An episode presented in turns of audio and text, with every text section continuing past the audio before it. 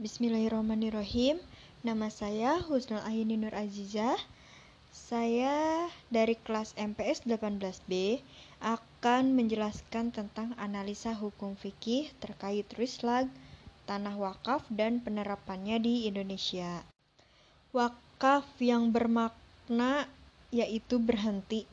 Berhenti dari kepemilikan diri sendiri, berpindah kepada pemilik alam semesta, yaitu Allah Subhanahu wa taala. Maka harta wakaf dilarang untuk dijual dihibahkan, dan dilarang untuk diwariskan. Prinsip wakaf yaitu keabadian, tak bidul asli, dan prinsip kemanfaatan, tak bidul manfaah. Di kalangan ulama Malikiyah, terdapat perbedaan pendapat tentang menjual atau memindahkan tanah wakaf. Mayoritas ulama Malikiyah melarang menjual atau memindahkan tanah wakaf sekalipun tanah tersebut tidak mendatangkan hasil sama sekali.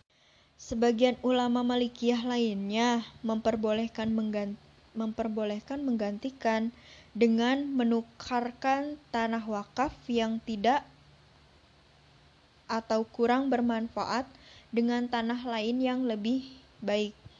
Namun dengan tiga syarat, yaitu wakif ketika ikrar mensyaratkan kebolehan ditukar atau dijual. Yang kedua, benda wakaf itu merupakan benda bergerak dan kondisinya tidak sesuai lagi dengan tujuan semula diwakafkannya.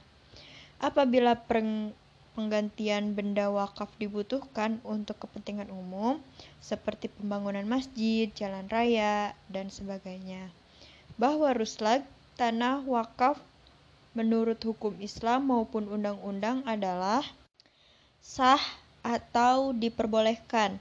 Hal tersebut berdasarkan pada pendapat ulama Hanifiyah, hukum agraria dan Undang-Undang Perwakafan nomor 4 tahun 2000. Lebih dari itu, ulama Hanifiyah menilai ruslag tanah wakaf dianjurkan dan menjadi salah satu cara untuk menyelamatkan harta benda wakaf yang kurang, memberikan kontribusi yang signifikan kepada umat. Dibolehkannya ruslag pada harta benda wakaf bertujuan agar wakaf kembali memberikan kemanfaatan dan kemahaslatan bagi umat sesuai dengan yang diikrarkan oleh wakif ketika akad wakaf tersebut.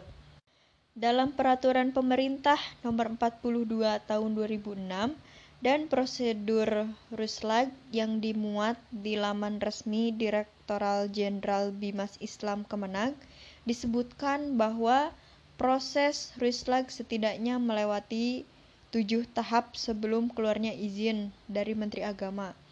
Tahap yang pertama adalah KUA, yang kedua, kantor Kementerian Agama kabupaten atau kota. Yang ketiga, tim penilai yang terdiri atas unsur Pemkot atau Pemkab, MUI. Yang keempat, kantor Kementerian Agama Provinsi. Yang kelima, Direktorat Jenderal Bimas Islam Kementerian Agama. Dan keenam, Wakaf Badan Wakaf Indonesia dan yang terakhir Sekretariat Jenderal Kementerian Agama. Sekian dan penjelasan dari saya. Kurang lebihnya mohon maaf. Terima kasih.